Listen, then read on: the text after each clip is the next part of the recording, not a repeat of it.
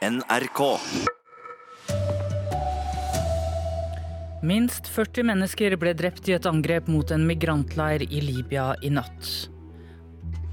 Og én av to vil ha mindre bygging i strandsonen her i landet. Her er NRK Dagsnytt klokka sju.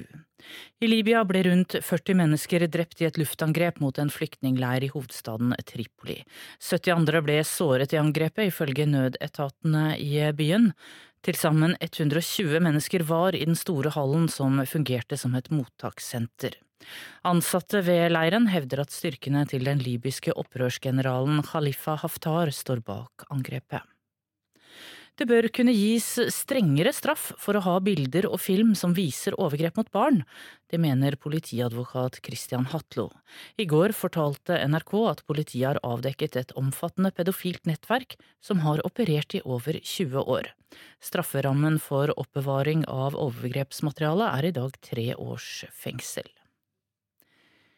I Jevnaker i Oppland har rådmann May-Britt Nordli sagt opp jobben for å bli konsulent hos hodejegerfirmaet Skagerrak Consulting. Nå har det samme hodejegerfirmaet fått oppdraget med å finne rådmannens etterfølger. Det kan være problematisk og i strid med reglene, mener en anbudsekspert.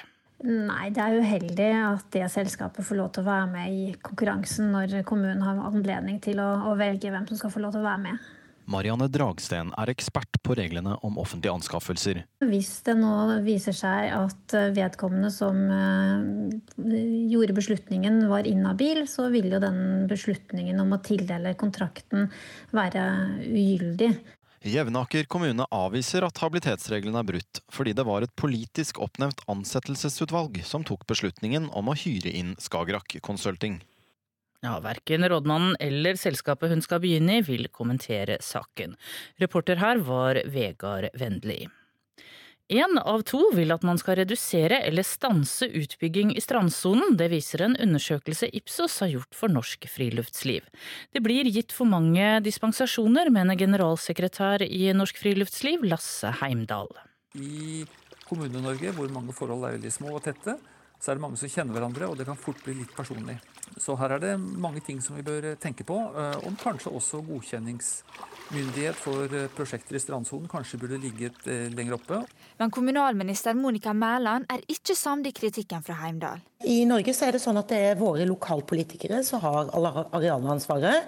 Og jeg har veldig stor tillit til at de gjør en grundig og konkret vurdering av hver enkelt sak, og beslutter ut fra lokale forhold hva som er den riktige konklusjonen. Reporter Birgitte Vågnes Bakken. NRK Dagsnytt var ved Tone Nordahl.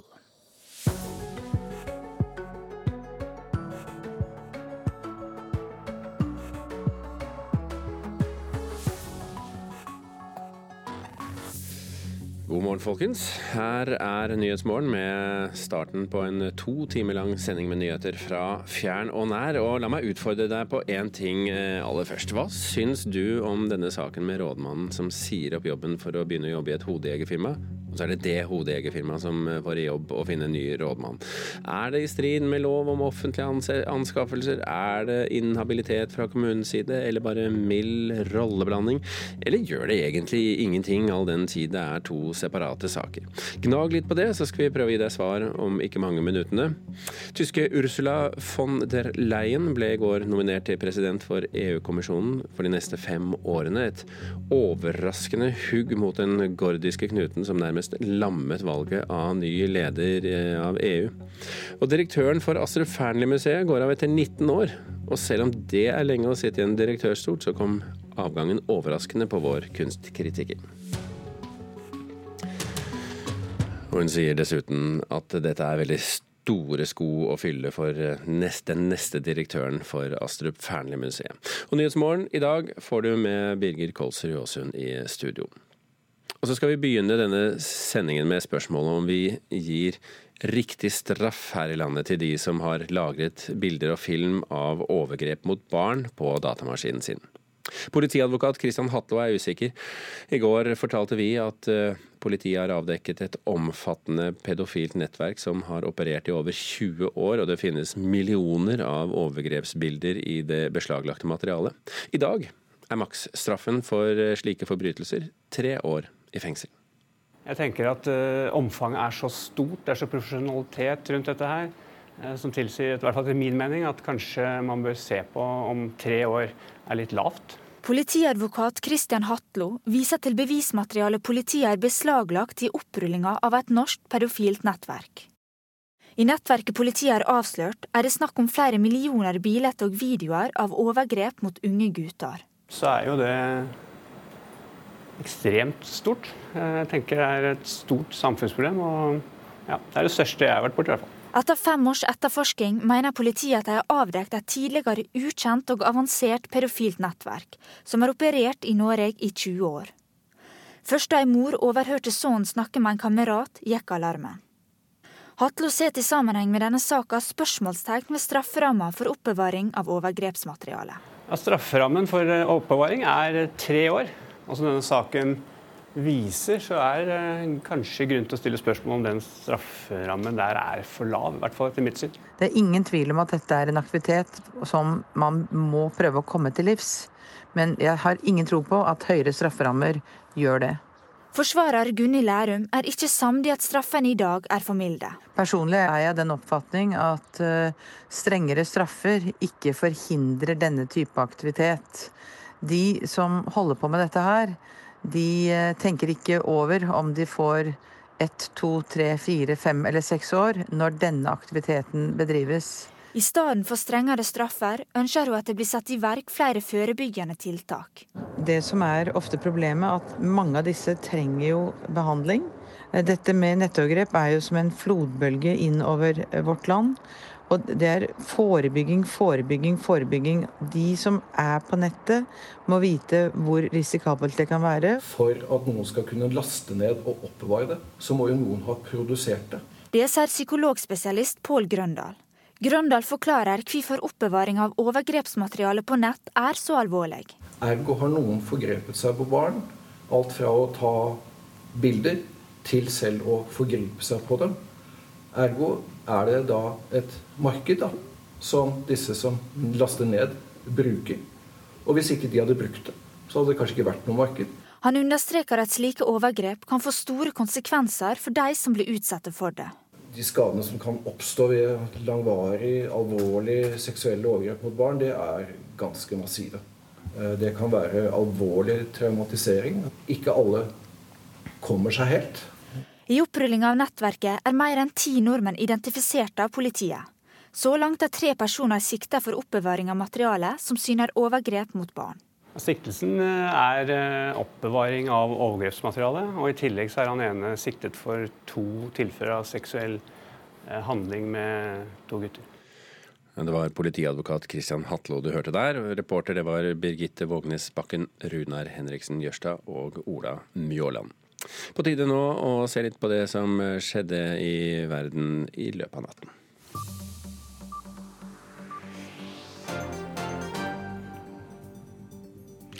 Rundt 40 mennesker ble drept i et luftangrep mot en migrantleir i den østlige delen av Tripoli i Libya.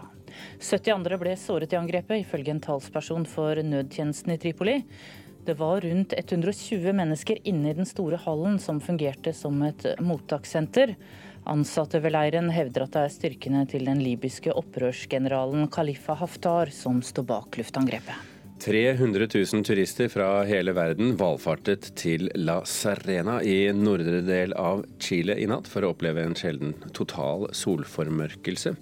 Total solformørkelse det oppstår når solen er dekket eh, fullt og helt av månen.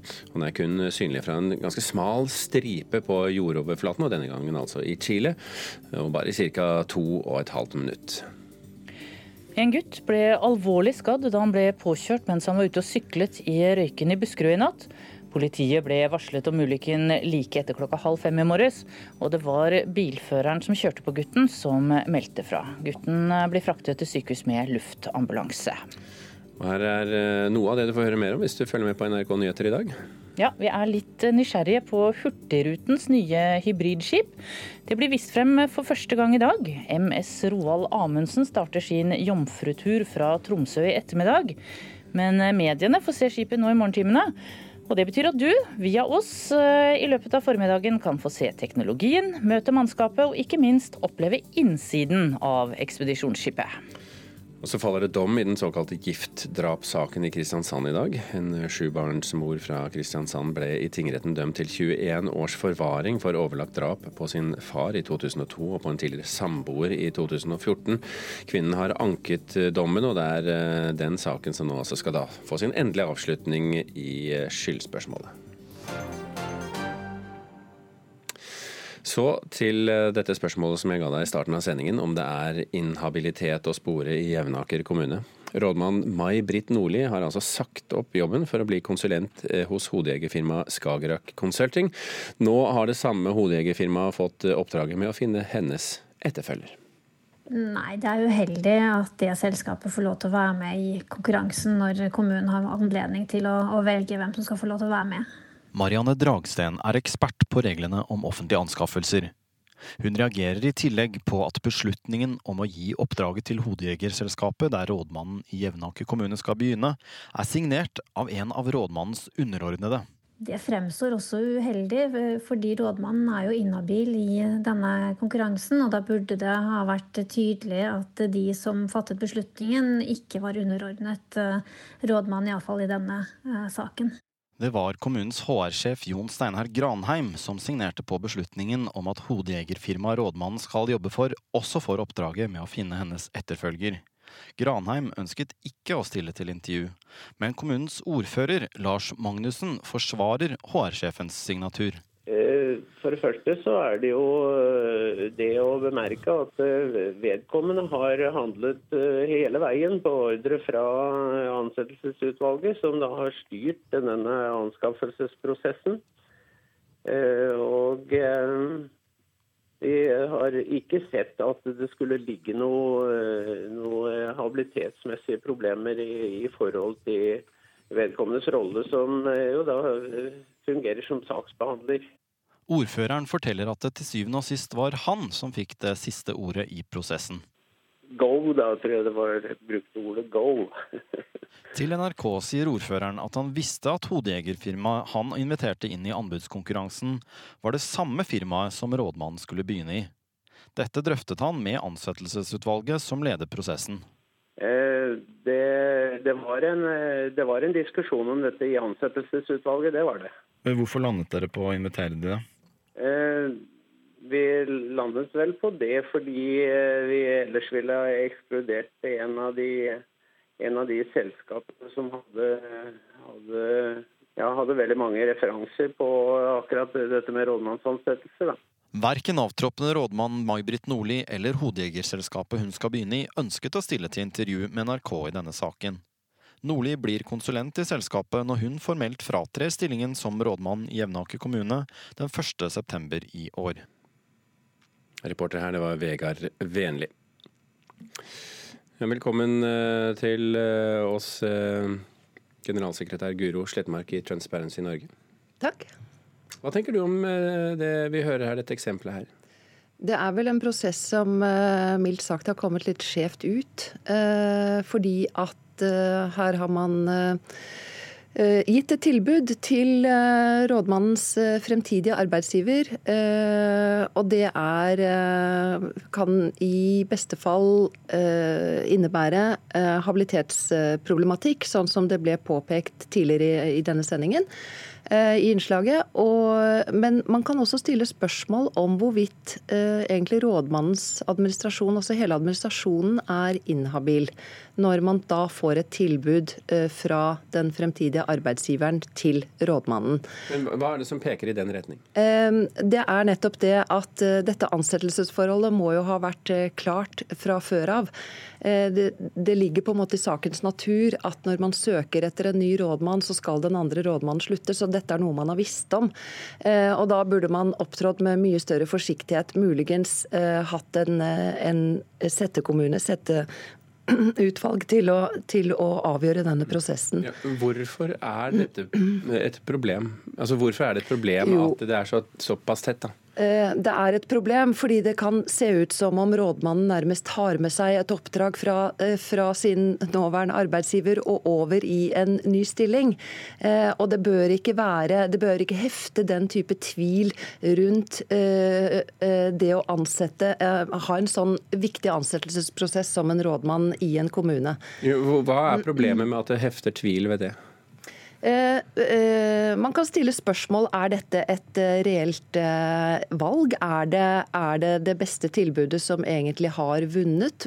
Hvordan er det med de andre? Er det, noen, er, er det tatt noen utenforliggende hensyn i denne prosessen? Det er det som blir de litt sånn vriene spørsmålene når valget er falt på, på rådmannens fremtidige arbeidsgiver. Men hva syns du om forklaringen kommunen kommer med, da? Det kan godt hende at de har har vært, eh, vært klar over eh, denne habilitetsproblematikken.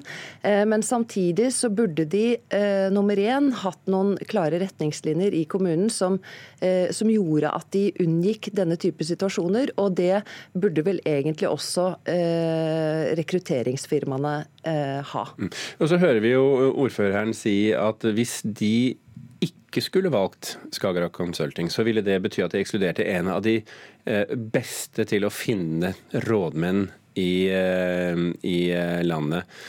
Er ikke det et uh, sympatisk argument? De vil jo ha den beste rådmannen inn. Jo, absolutt. Og det kan godt hende at det stemmer, at det er det beste de har valgt. Men det burde kanskje vært noen andre uh, som tok den vurderingen. Og ikke noen som sitter så tett på, uh, på prosessen. Så det er ikke resultatet i seg selv som er det problematiske, det er prosessen innad som gjør at vi tviler på om, om, om, de har gjort det riktige valget? Riktig, helt riktig. Mm. Det er det som på en måte da mangler prosessen en slags legitimitet. Mm. Dere etter, eh, etterforsker, det er vel ikke alltid det etterforskningen det er snakk om, men dere, dere jobber altså med eh, mot korrupsjon både innen næringsliv, myndigheter og sivilsamfunn i Transparency Norge. Vil du si at dette er en veldig vanlig situasjon i Kommune-Norge? Ja, altså Vi har mange eksempler på den type sånn rollekonflikter eller interessekonflikter. Eh, vi må huske på at vi er en ganske liten og tett sammenvevd befolkning. Alle kjenner alle, mer eller mindre. Eh, og det skal ikke så mye til før det oppstår den type rollekonflikt. Vi har sett det f.eks. Eh, plan- og byggesaksbehandling i kommuner, for å holde oss til den sektoren. Hvor det er blitt ansatt saksbehandlere som tidligere har jobbet som arkitekter eller hos entreprenører, og senere får da eh, nærmest sine egne saker til behandling i kommunen.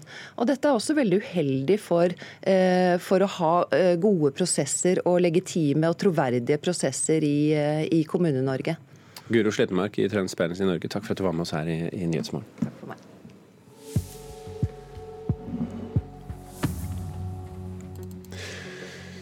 Da runder straks klokken 18 minutter over sju. Du hører på Nyhetsmorgen altså.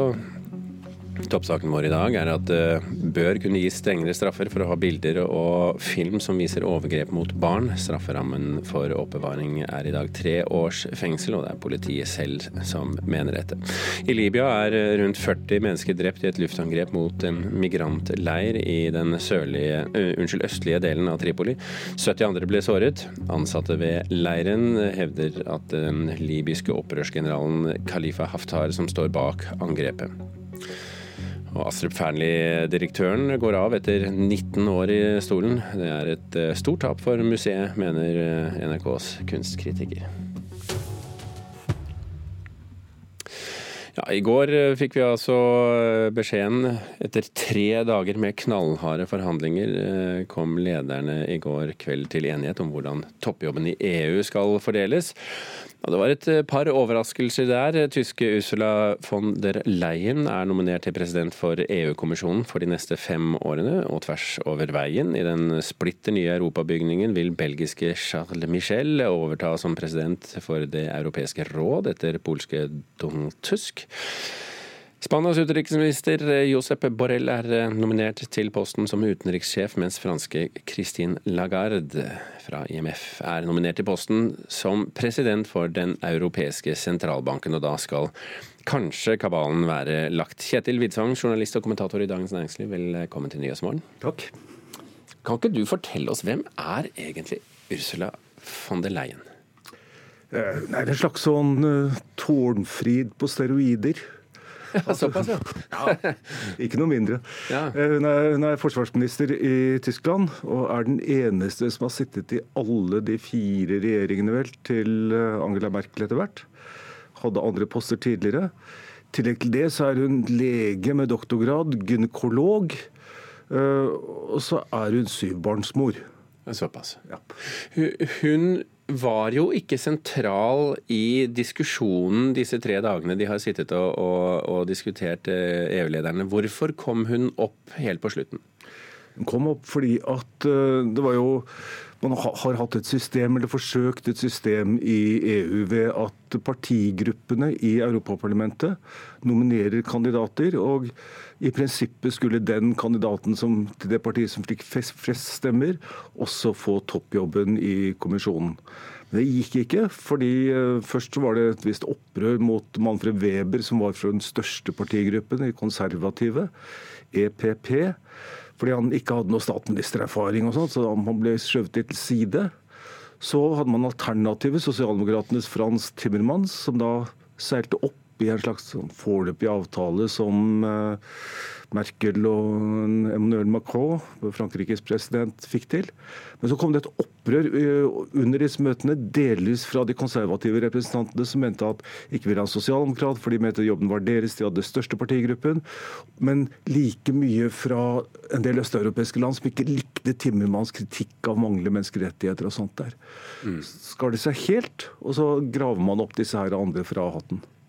Er dette et um, en, hva skal vi si, kaller det en slags godt tegn på, på politikken og dynamikken i EU? Det er vel uh, tvert imot på et vis tilbakevending til slik man har hatt i mange år, at uh, toppjobbene blir utpekt i en sånn bakromsdeal.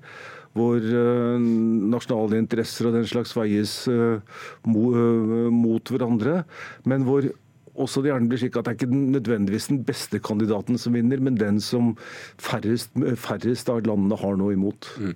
Hvis vi ser på disse andre som også Og vi må jo påpeke at de er nominert, det skal jo de nominert, formelt vært, velges. Det er, det er, viktig, fordi det har vært ganske kraftig motstand. Det skal også godkjennes i Europaparlamentet. Og der har Sosialdemokratene og De Grønne allerede markert veldig sterkt motstand mot at man får dette på sånn i bakrommet istedenfor en offentlig debatt. Ja, Så vi trodde liksom at dette var sverdet som hugg over den, eh, den gordiske knuten, men den har kanskje kuttet litt skeivt og sklidd ut? Man må se partier som til sammen utgjør flertall, har ikke kommet med noen klare utspill for, foreløpig, men, men, det har vært, en, vært mye kritikk, ja. Mm. Disse andre, da? altså Skal vi ta Christine Lagarde først? Vi kjenner henne jo som sjef for IMF. Ja. Jo, altså det, det, du jo får, og som har vært et ønske bl.a. fra Macron, er å få en bedre kjønnsbalanse i EU-ledelsen. Og Nå får de jo to kvinner i, i, av fire, topp, fire toppjobber. Eh, hun er eh, sjef i IMF, tidligere fransk eh, finansminister. Blir kritisert litt fordi hun ikke har sentralbankerfaring. Og forhåndsfavorittene der var forskjellige sentralbanksjefer. Dagens tyske og både forhenværende og nåværende i Finland var, var, blant de. Men det kan ikke være diskvalifiserende å være sjef for IMF? Det er ikke diskvalifiserende. Nei, hun har jo hatt et godt, godt omdømme. Men både hun og von Leyen har sånn saker liggende hjemme med mm, anklager om misbruk av makt og den slags. Mm. De to andre, da? Andre, ja, Det virker jo litt som de er fylt opp for å få opp uh, kvotene. En liberaler, en sosial, uh, sosialdemokrat. Borrell vender tilbake til, til uh, Brussel, hvor han har vært tidligere i kommisjonen. Mens Michel er kjent, altså liberaler, kjent mer som en sånn forhandlingsmann som man bestandig må være for å drive belgisk politikk med disse ulike språk, språkgruppene, og som sagt fyller opp den liberale kvoten. Ble også anklaget for at det mangler representanter for Øst-Europa her. Og Når skal de nominerte bli valgt eventuelt? Eh, nå møtes uh, Europaparlamentet i dag, og da, er det i gang. Nøyaktig når avstemningen kommer, er vel litt uklart. Men med ganske kort tid, altså? Må i hvert fall skje i løpet, i løpet av sommeren, eller før de tar ferie sånn ut i slutten av måneden. Kjetil Widsvang i Dagens Næringsliv, takk for at du var med oss og forklarte det hele. Takk.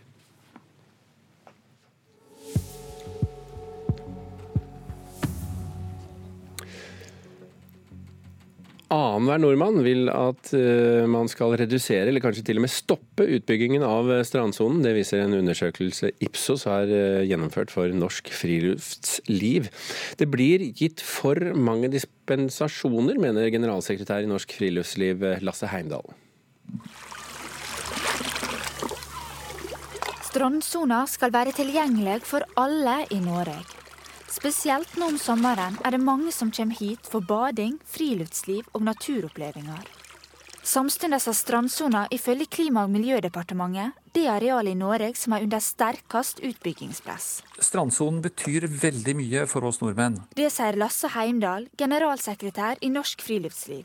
En ny undersøking Ipsos har gjennomført for Norsk Friluftsliv, viser at om lag halvparten mener bygging i strandsona bør bli redusert eller stoppe helt opp. Det overrasker oss ikke. Og dette er områder som det er veldig viktig at vi bevarer tilgang til for allmennheten, og at ikke strandsonen i så stor grad privatiseres. Strandsona er beskytta gjennom et byggeforbud i et 100-metersbelte langs sjøen.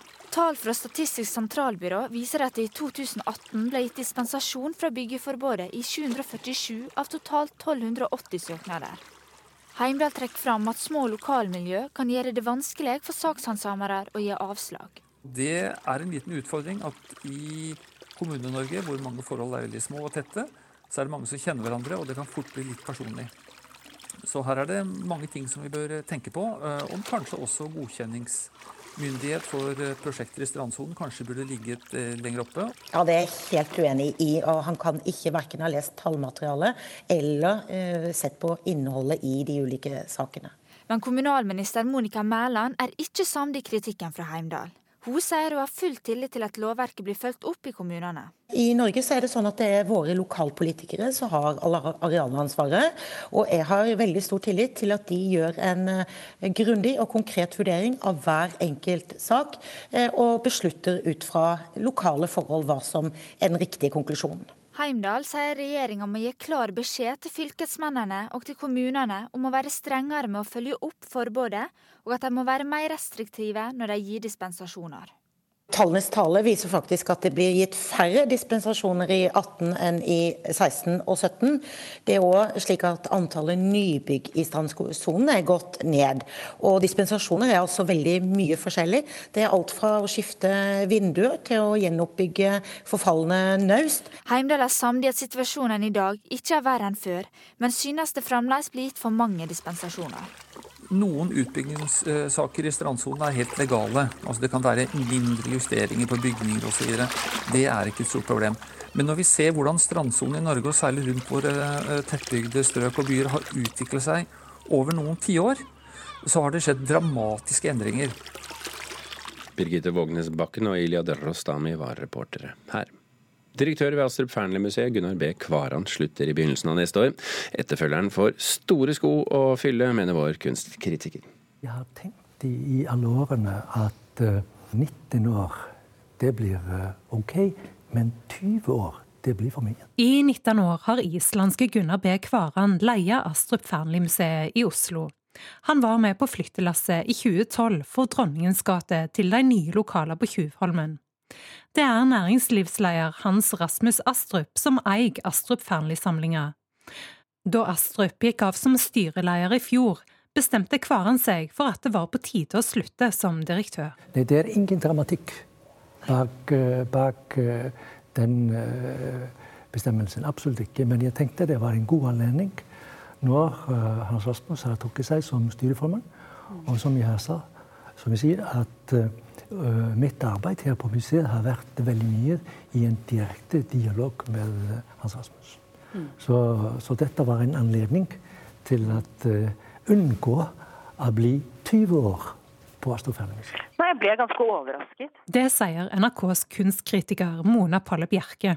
Gunnar Kvaran er liksom selve hjertet i institusjonen. Selv om Kvaran går av som direktør, vil han fortsette å være involvert i framtidige prosjekt. Det er planlagt at stillinger som ny direktør blir lyst ut i august. Hvilke forventninger har du til din etterfølger? Jeg håper at det blir en, en, en interessant uh, person som tar museet videre. Reporter her, Helga Tunheim. Sommer i P2. Ja da, jeg veit det. Fotball er bare 22 mann som springer rundt etter en ball. Men for meg og broren min så har den betydd så uendelig mye mer. Jeg heter Ole Kristian Gullvåg, jeg er skuespiller, og i Sommer i P2 forteller jeg om behovet for å høre til en plass, og at det aldri er for seint å bli forsont med egen barndom. Sommer i P2. I dag klokka ni.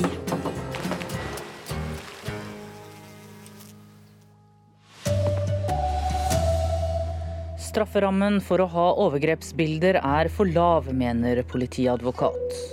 Minst 40 mennesker ble drept i angrep mot migrantleir i Libya i natt. Én av to vil ha mindre bygging i strandsonen her i landet. God morgen, her er NRK Dagsnytt. Klokka er 7.30. Det bør kunne gis strengere straff for oppbevaring av bilder og film som viser overgrep mot barn. Det mener politiadvokat Christian Hatlo. I går fortalte NRK at politiet har avdekket et omfattende pedofilt nettverk som har operert i over 20 år. Strafferammen er i dag tre års fengsel. Jeg tenker at uh, omfanget er så stort, det er så profesjonalitet rundt dette her, som tilsier, i hvert fall til min mening, at kanskje man bør se på om tre år er litt lavt. Politiadvokat Christian Hatlo viser til bevismateriale politiet har beslaglagt i opprullinga av et norsk pedofilt nettverk. I nettverket politiet har avslørt, er det snakk om flere millioner bilder og videoer av overgrep mot unge gutter. Ja, strafferammen for eh, oppbevaring er tre år. Altså denne saken viser, så er det kanskje grunn til å stille spørsmål om den strafferammen der er for lav. I hvert fall etter mitt syn. Det er ingen tvil om at dette er en aktivitet som man må prøve å komme til livs. Men jeg har ingen tro på at høyere strafferammer gjør det. Forsvarer Gunni Lærum er ikke samd i at straffene i dag er for milde. De som holder på med dette her, de eh, tenker ikke over om de får ett, to, tre, fire, fem eller seks år når denne aktiviteten bedrives. I stedet for strengere straffer ønsker hun at det blir satt i verk flere forebyggende tiltak. Det som er ofte problemet, at mange av disse trenger jo behandling. Og det er forebygging, forebygging, forebygging. For at noen skal kunne laste ned og oppbevare det, så må jo noen ha produsert det. Det sier psykologspesialist Pål Grøndal. Grøndal forklarer hvorfor oppbevaring av overgrepsmateriale på nett er så alvorlig. Ergo har noen forgrepet seg på barn, og hvis ikke de hadde brukt det, så hadde det kanskje ikke vært noe marked. Reportere i dette innslaget var Birgitte Vågnes Bakken, Runar Henriksen Jørstad og Ola Mjåland. Til Libya nå, der er rundt 40 mennesker drept i et luftangrep mot en migrantleir i den østlige delen av Tripoli. Reporter Marte Halsør, hvilke opplysninger kommer om dette angrepet nå? I tillegg til de som er drept, så skal åtte 80 mennesker være såra. Video som er tatt like etter angrepet, viser blodige mennesker. De har mista kroppsdeler, og de blir lagt om bord på båre og tatt til sykehus. Og Der inne ligger det skadde på rekke og rad. Og tallet på døde det kan fort eh, stige, for det skal ha vært over 600 mennesker i denne leiren da den ble angrepet, og 120 skal ha vært i de bygningene som ble truffet. Og de fleste av de som er drept, det er afghanske flyktninger flyktninger. Veldig mange av de som ønsker å reise til Europa, de kommer til Libya og prøver å krysse Middelhavet der. Eh, men der blir de plukka opp av libyske, altså libyske kystvakter og satt i interneringsleirer. Hvem kan stå bak dette angrepet? Tilsatte i leiren de hevder at det er styrkene til opprørsgeneral Khalifa Haftar som står bak. De tok kontroll over sørlige deler av Libya tidligere i år, og har bevega seg mot hovedstaden som ligger lenger nord, Tripoli. Eh, utenfor byen så pågår det kamper mellom opprørsstyrkene og ulike militser, og dette skjer ganske nær flere av disse leirene der migrantene blir holdt. Og Tidligere denne veka så skal opprørsstyrkene ha sagt at de kom til å utføre luftangrep mot mål i Tripoli, men i dag så sier en talsperson for styrkene at det er ikke de som står bak dette angrepet. Takk skal du ha, Marte Halsør. Rådmann Mai Britt Nordli i Jevnaker i Oppland har sagt opp jobben for å bli konsulent hos hodejegerfirmaet Skagerrak Consulting. Nå har det samme hodejegerfirmaet fått oppdraget med å finne rådmannens etterfølger. Det kan være problematisk og i strid med reglene, mener en anbudsekspert. Nei, det er uheldig at det selskapet får lov til å være med i konkurransen når kommunen har anledning til å, å velge hvem som skal få lov til å være med. Marianne Dragsten er ekspert på reglene om offentlige anskaffelser. Hvis det nå viser seg at vedkommende som eh, gjorde beslutningen var inhabil, så vil jo den beslutningen om å tildele kontrakten være ugyldig. Jevnaker kommune avviser at habilitetsreglene er brutt, fordi det var et politisk oppnevnt ansettelsesutvalg som tok beslutningen om å hyre inn Skagerrak Consulting. Go, da tror jeg det var brukt ordet go. Ordfører Lars Magnussen leder utvalget som skal ansette rådmannens etterfølger. Det var han som foreslo å invitere selskapet som rådmannen skal begynne å jobbe for, inn i anbudskonkurransen. Eh, det, det, var en, eh, det, var en, diskusjon om dette i ansettelsesutvalget, det var det. Men Hvorfor landet dere på å invitere de, da? Eh, vi landet vel på det fordi vi ellers ville ha ekskludert en av de, en av de selskapene som hadde, hadde, ja, hadde veldig mange referanser på akkurat dette med rådmannsansettelser. Verken avtroppende rådmann May-Britt Nordli eller hodejegerselskapet hun skal begynne i, ønsket å stille til intervju med NRK i denne saken. Nordli blir konsulent i selskapet når hun formelt fratrer stillingen som rådmann i Jevnaker kommune den 1.9. i år. Reporter i dette innslaget var Vegard Vennli. Halvparten av de spurte vil stanse eller redusere utbygging i strandsonen. Det viser en undersøkelse Ipsos har gjort for Norsk Friluftsliv. Det blir gitt for mange dispensasjoner, mener generalsekretær i Norsk Friluftsliv Lasse Heimdal. Strandsona skal være tilgjengelig for alle i Norge. Samtidig har strandsona ifølge Klima- og miljødepartementet det arealet i Norge som er under sterkest utbyggingspress. Strandsonen betyr veldig mye for oss nordmenn. Det sier Lasse Heimdal, generalsekretær i Norsk Friluftsliv. En ny undersøking Ipsos har gjennomført for Norsk Friluftsliv, viser at om lag halvparten mener bygging i strandsona bør bli redusert eller stoppe helt opp. Strandsona er beskytta gjennom et byggeforbud i et 100-metersbelte langs sjøen. Tall fra Statistisk sentralbyrå viser at det i 2018 ble gitt dispensasjon fra byggeforbudet i 747 av totalt 1280 søknader. Heimdal trekker fram at små lokalmiljø kan gjøre det vanskelig for sakshandsamere å gi avslag. I Kommune-Norge, hvor mange forhold er veldig små og tette, så er det mange som kjenner hverandre, og det kan fort bli litt personlig. Så her er det mange ting som vi bør tenke på, og om kanskje også godkjenningsmyndighet for eh, prosjekter i strandsonen kanskje burde ligget eh, lenger oppe. Men kommunalminister Monica Mæland er ikke samd i kritikken fra Heimdal. I Norge så er det sånn at det er våre lokalpolitikere som har arealansvaret. Og jeg har veldig stor tillit til at de gjør en eh, grundig og konkret vurdering av hver enkelt sak, og beslutter ut fra lokale forhold hva som er den riktige konklusjonen.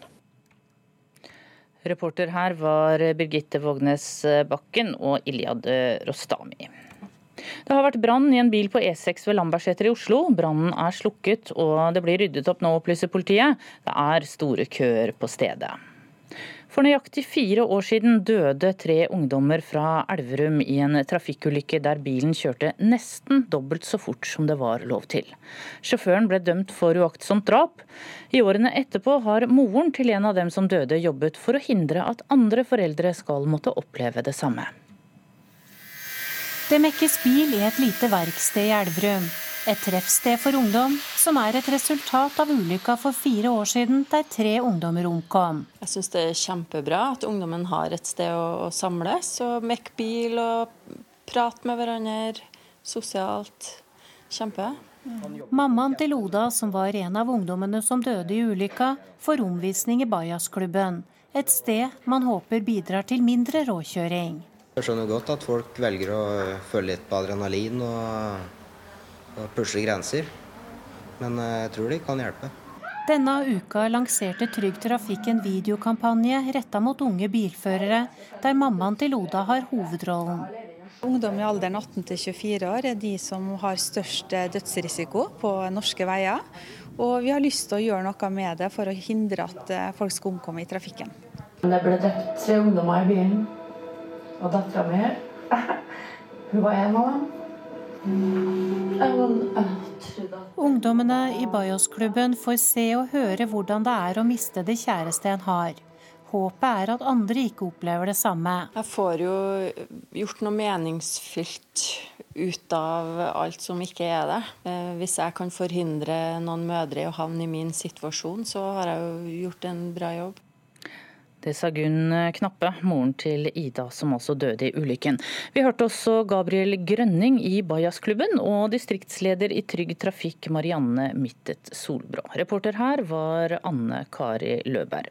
Ansvarlig for Dagsnytt i dag er Elin Pettersen. I studio Tone Nordahl.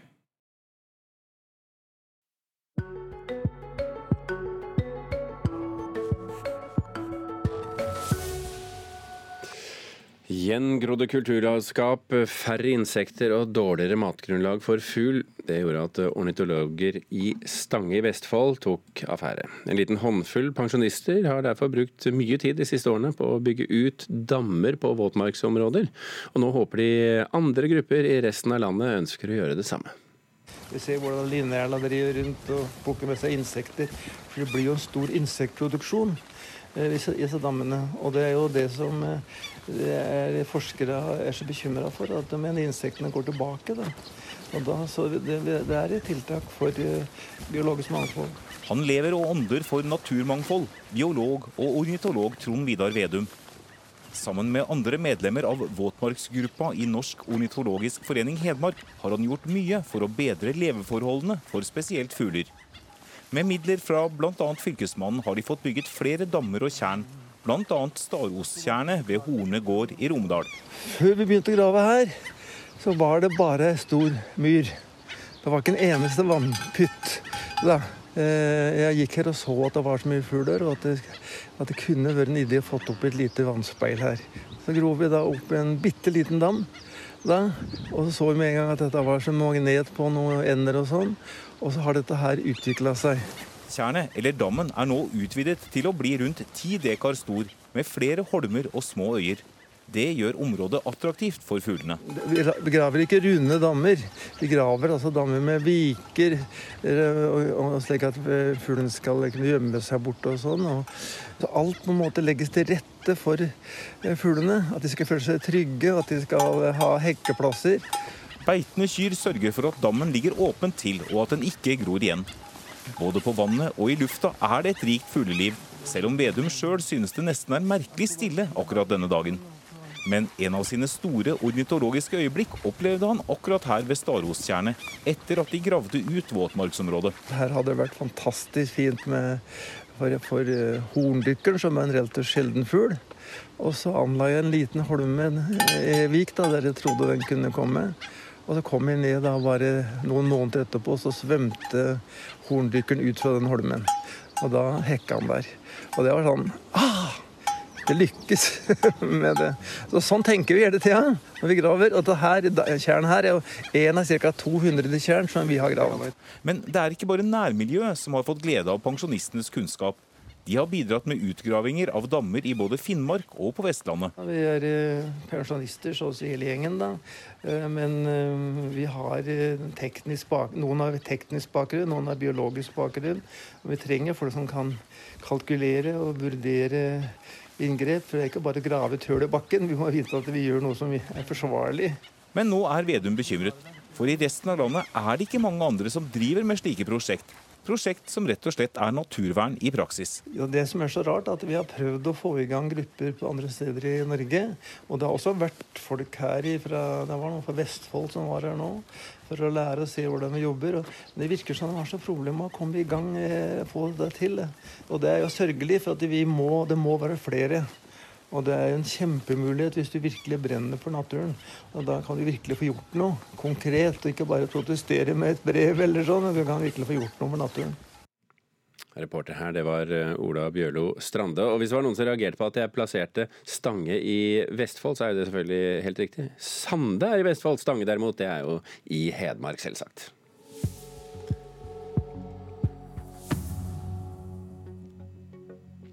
Bøkene til eh, Stavanger-forfatter eh, Tore Renberg er oversatt til eh, syv språk. De er solgt i hundretusenvis og har vært inspirasjon til flere populære filmer. Nå tar forfatteren og artisten en helt ny vei. Han vil nemlig prøve å bli lokalpolitiker for Arbeiderpartiet i hjembyen. Han sier han elsker fellesskap, og at Knut Arild Hareide er hans politiske forbilde. Men hva kan han egentlig om politikk?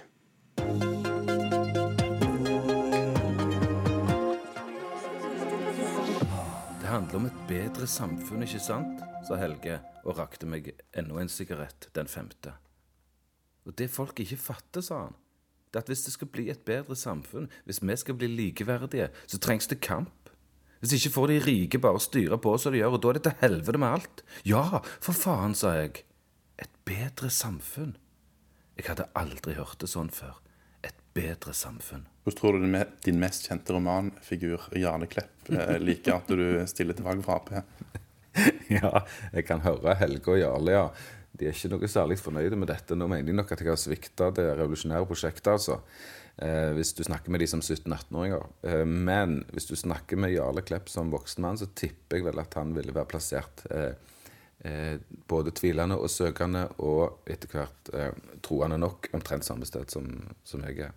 Det betyr i så fall Arbeiderpartiet for Jarle Klepp, romanfiguren skapt av forfatter og musiker Tore Renberg, som 46 år gammel stiller til valg for nettopp Ap i byen han er oppvoksen og bor i, Stavanger. Du vet, Jeg er ikke politiker eh, ennå. Jeg er en, eh, en, liten mann fra Madla utenfor Stavanger på eh, 46 år, snart 47 år, som har sagt ja til å stille på lista i, i lokalvalget nå til høsten for Arbeiderpartiet. Så, så jeg tør, går ikke ut og kaller meg politiker. Kanskje blir jeg valgt inn. Da er jeg en av de folkevalgte. Det ville jo vært ei ære og noe veldig skummelt. Jeg har stemt Venstre. Jeg har stemt Høyre. Jeg har stemt Rødt. Jeg har, beklager, aldri stemt SV. Eh, jeg har stemt eh, eh, Miljøpartiet. Jeg har stemt eh, alt mulig. Eh, um, eh, og nå, og nå, sitter jeg her og er listekandidat for Arbeiderpartiet. Så tenkte jeg ja, jeg bare sier det rett ut. For jeg tror, dere, jeg tror det er en ærlig sak. Jeg tror det representerer veldig mange velgere der ute i dag. Moderne velgere. Jeg, jeg opplever der en forskjell på min generasjon og min foreldregenerasjon, f.eks. hvor mange, sånn som jeg opplevde det, har vært tro, stått fast last og brast ved sitt parti hele livet. Mm. Ikke sant? Mens en moderne velger eh, skifter mye mer. Kan du rett og slett beskrive for meg eh, hva du eh, gjør når du har det aller best om sommeren? Hva jeg gjør når jeg har det aller best om sommeren? Da spiser jeg eh, sikkert krabbe med kona. Eh, eh, og deler en flaske hvitvin med henne og sitter og, og kikker utover sjøen, tror jeg. Betaler du i bommen med glede eller forbannelse? jeg betaler i bommen med den fornuftige delen av, eh, av hodet mitt. Og så registrerer jeg eh, debatten som pågår, og tenker vel at vi har ikke funnet den beste og endelige løsningen på hvordan vi finansierer vei i dette landet. Men de er satt opp der, er, er, og jeg betaler det med, med, fornuften min. Bør vi ha bompenger? Nå har vi en pågående og etter hvert litt en utmattende lang debatt om dette som jeg syns har tatt utrolig stor plass. Eh, nå står de bommene der, eh, og det pågår en eh, voldsom diskusjon rundt det. Jeg tenker at det er siste ord ikke sagt om dette, og vi kommer nok til å få en annen måte å betale for veiutvikling i dette landet, veiutbygging i dette landet eh, framover enn vi har fram til nå. Men jeg syns det hele har gått helt av skaftene. Men partiet ditt er for bompenger. Støtter du det? Ja, jeg støtter det. Men ikke i den formen som det er blitt gjort i dag, og ikke på den måten det har blitt gjort på. Og, og som både Arbeiderpartiet og så å si alle andre politiske instanser i dette landet vet, så, så har vi liksom ikke løst dette. her. Folk er for irriterte. Eh, det plager de jo. Det er for urettferdig fordelt. sant? Ja, for det har jo vakt et enormt engasjement. Hva sier du til de mange som demonstrerer, som mener dette er usolidarisk? Jeg sier til de uh, må du ta og roe deg helt ned.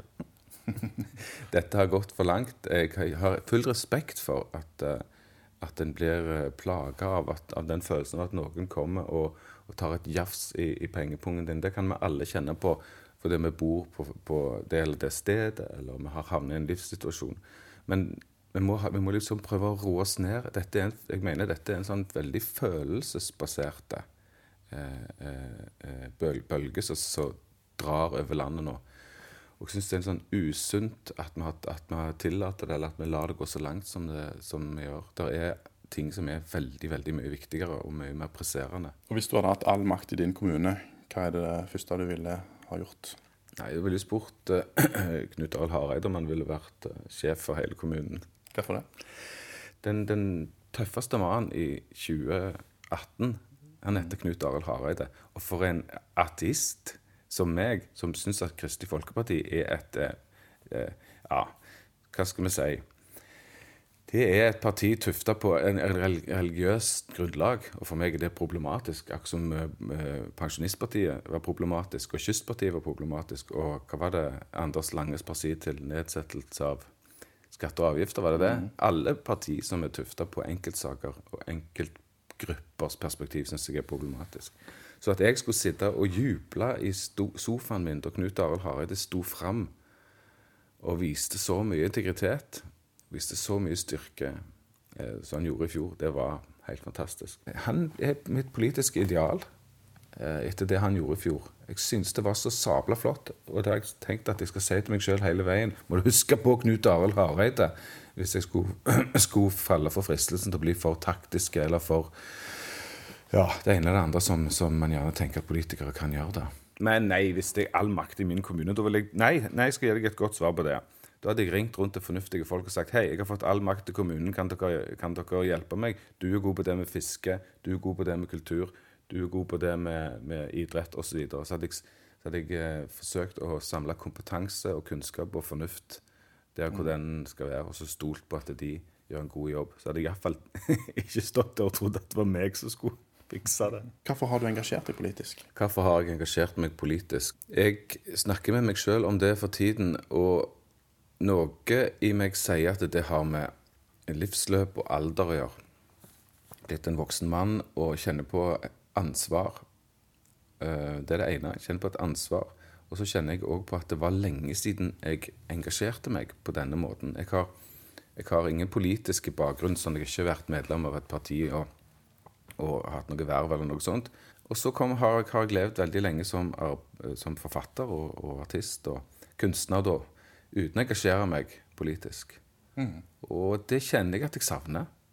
Eh, jeg savner min egen idealisme. Jeg savner min egen eh, kampvilje eh, og, og, trang til å være med på å prøve å forandre noe. Dine viktigste kampsaker politisk, hva vil det være? Ideologisk, på overordna plan, så er det sånn at jeg er med her pga. at jeg tenker at fellesskapsløsningene som jeg er vokst opp med i sosialdemokratiet i Norge, er de beste politiske løsningene. Jeg har veldig lyst å leve i et samfunn hvor jeg kjenner trygghet når jeg står opp om morgenen.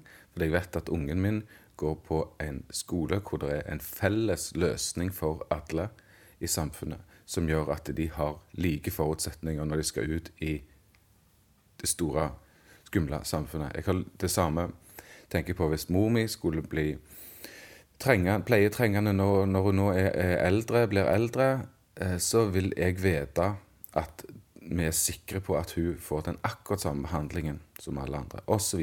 Det, er, det er liksom den ideologiske store og viktige for meg. Og så har jeg en del enkeltsaker som jeg engasjerer meg i, eh, og som jeg føler jeg kan noe om. Eh, eh, jeg er en Stavanger-mann som har bodd her nesten hele livet mitt. Jeg har bodd litt i Oslo, litt i Bergen og litt i Berlin. Men jeg, liksom, jeg venter jo hjem til Stavanger, og jeg føler jeg kan en del om byen min føler jeg kan både en del av byen min rent sånn kunnskapsmessig, og, og eh, det er, er, organisk inni meg fordi jeg har levd der så lenge. Så byutviklingsspørsmål, eh, spørsmål om identiteten til det stedet du bor på, som jeg mener er så nært forbundet med din eventuelle opplevelse av trygghet og lykke. Å bevare den identiteten og utvikle den identiteten i i, eh, eh ansvar, en, i, en, ansvarlig relasjon til fortida, det er kjempeviktig for meg. Så det eh, kommer jeg til å kjempe for her. Eh, både når det gjelder arkitektur, og, og når det gjelder uh, andre utviklingsspørsmål, hvis jeg skulle bli valgt inn i bystyret. Din kunstneriske bakgrunn, hvordan Vil du dra den med deg inn i en eventuell politisk karriere? jeg, tror ikke jeg, kan, jeg tror ikke jeg kan dra noe nytte av deg. Nei, det har jeg tenkt på. Nei. Jeg, har, tror ikke det er noe særlig å hente. Um, jeg, eh, jeg, kan dra nytte av det på, generelt, på generell basis. Jeg, har jo levd et jeg lever jo et privilegert liv hvor jeg til enhver tid kan sette meg ned med en filosofisk tekst fra 1600-tallet hvis jeg vil det, og, og lese den. Og jeg kan snakke med veldig mange. Jeg har, et, jeg har levd et mangfoldig liv. Reist mye rundt, truffet mye folk eh, på, i, i, forskjellige deler av landet og utlandet. Og, så jeg har levd et uryddig og løye liv. Men jeg har jo ingen greie på ikke sant? Jeg har, ikke, jeg har jo aldri deltatt i arbeidslivet, så jeg kan jo ingenting om pensjon eller sykelønn, eller Jeg har aldri erfart noen av de tingene. Så, så, så sånn sett så må du, må du, ikke stemme på meg, for jeg kan ingenting.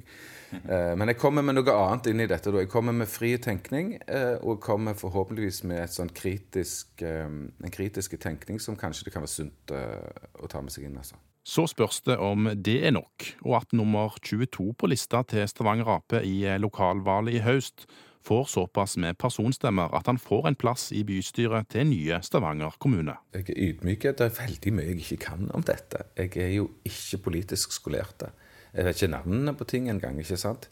Eh, men jeg har fått en tillit fra, fra, fra, de som har spurt meg, som jeg setter pris på. Og så, og så tror jeg at jeg har arbeid Jeg tror jeg har krefter og arbeidsinnsats, og så har jeg bevart Jeg er som sagt 46 nå, snart 47. Og jeg er glad for at jeg har bevart en del av naiviteten min uh, i meg sjøl. Jeg er selvfølgelig blitt mer kynisk og avslepen som alle mennesker på en måte blir. Men jeg har bevart den naive troen min på forandring, troen min på at vi kan få ting til.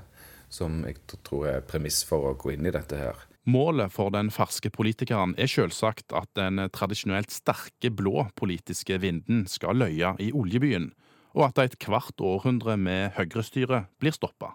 Ja, altså vi, vi, sitter og snakker sammen, du og meg, sommeren 2019. Og, og den historien som, som, verserer i Stavanger-området akkurat nå, er jo at det ikke har vært så jevnt på veldig lenge.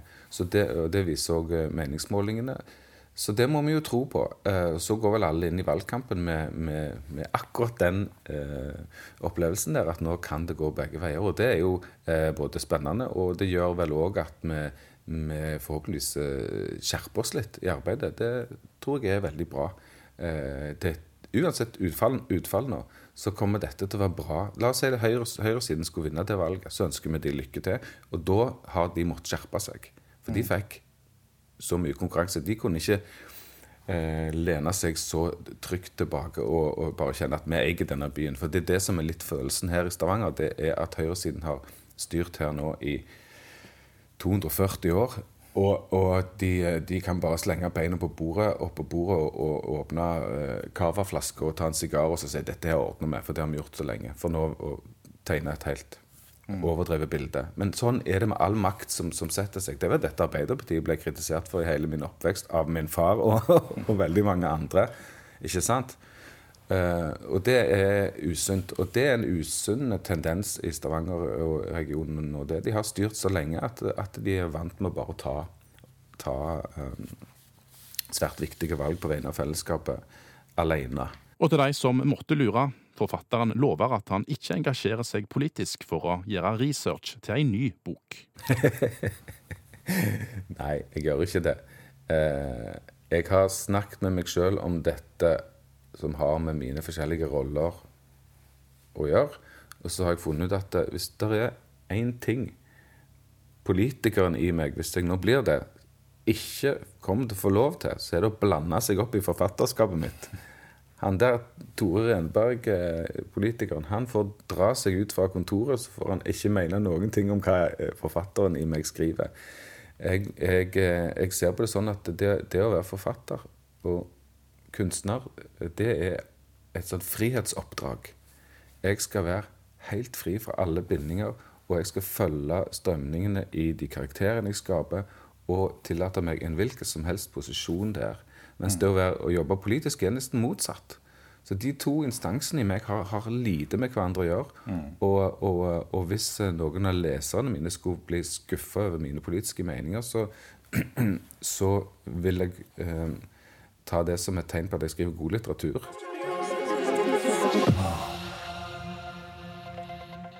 Ja, Tore Renberg ble altså intervjuet av Magnus Stokka. Du kan høre alle våre sommerportretter eh, som podkast hvis du ønsker det, på Politisk kvarter.